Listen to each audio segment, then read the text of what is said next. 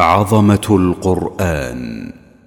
الحلقة الثانية القرآن المعجزة العظمى. بسم الله الرحمن الرحيم. الحمد لله رب العالمين والصلاة والسلام على رسول الله وعلى آله وأصحابه ومن والاه.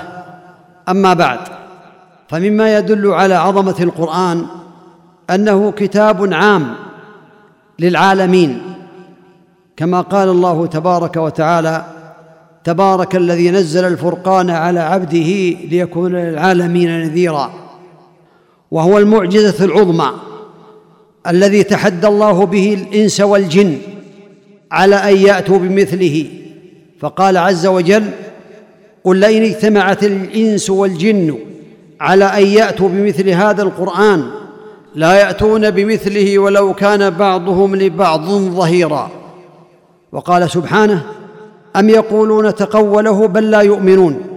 فليأتوا بحديث مثله إن كانوا صادقين. وبعد هذا التحدي عجزوا فمد لهم في الحبل وتحداهم أن يأتوا بعشر سور من مثله. قال عز وجل أم يقولون افتراه؟ قل فأتوا بعشر سور مثله مفتريات وادعوا من استطعتم من دون الله إن كنتم صادقين. فعجزوا فارخى لهم في الحبل فتحداهم بسورة مثله. أم يقولون افتراه؟ قل فأتوا بسورة مثله وادعوا من استطعتم من دون الله إن كنتم صادقين.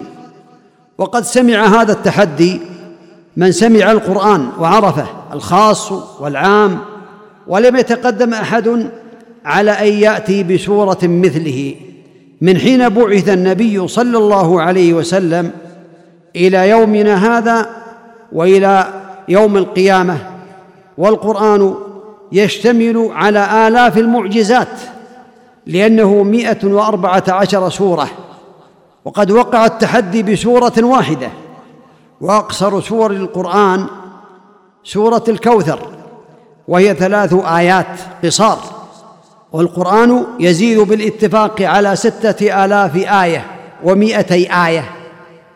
ومقدار سورة الكوثر من آيات أو آية طويلة على ترتيب كلماتها له حكم السورة الواحدة ويقع بذلك التحدي والإعجاز. ولهذا كان القرآن يغني عن جميع المعجزات الحسية والمعنوية لمن كان له قلب أو ألقى السمع وهو شهيد. وإعجاز القرآن في وجوه كثيرة الإعجاز البلاغي والإعجاز بالإخبار عن الغيوب بأنواعها والإعجاز التشريعي والإعجاز العلمي الحديث.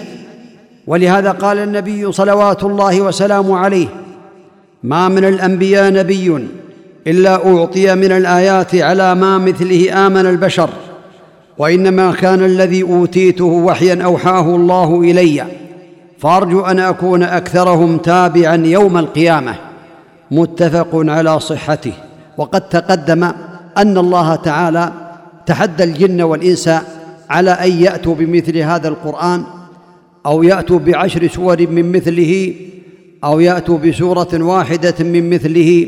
وهذا يدل على أن القرآن الكريم يشتمل على المعجزات الكثيرة ويغني عن جميع المعجزات الحسية والمعنوية لأنه من كلام الله تبارك وتعالى الذي إذا أراد شيئا فإنما يقول له كن فيكون والذي قال سبحانه وتعالى إنما قولنا لشيء إذا أردناه أن نقول له كن فيكون والذي بيده كل شيء الذي قال سبحانه وتعالى وإن من شيء إلا عندنا خزائنه وما ننزله إلا بقدر معلوم أسأل الله تعالى بأسمائه الحسنى وصفاته العلى أن يجعلني وإياكم من أهل القرآن الذين هم أهل الله تعالى وخاصته وأن يجعلنا من الذين يعملون به على الوجه الذي يرضي الله تعالى وعلى هدي رسوله عليه الصلاة والسلام فإن هذا هو السعادة الحقيقية.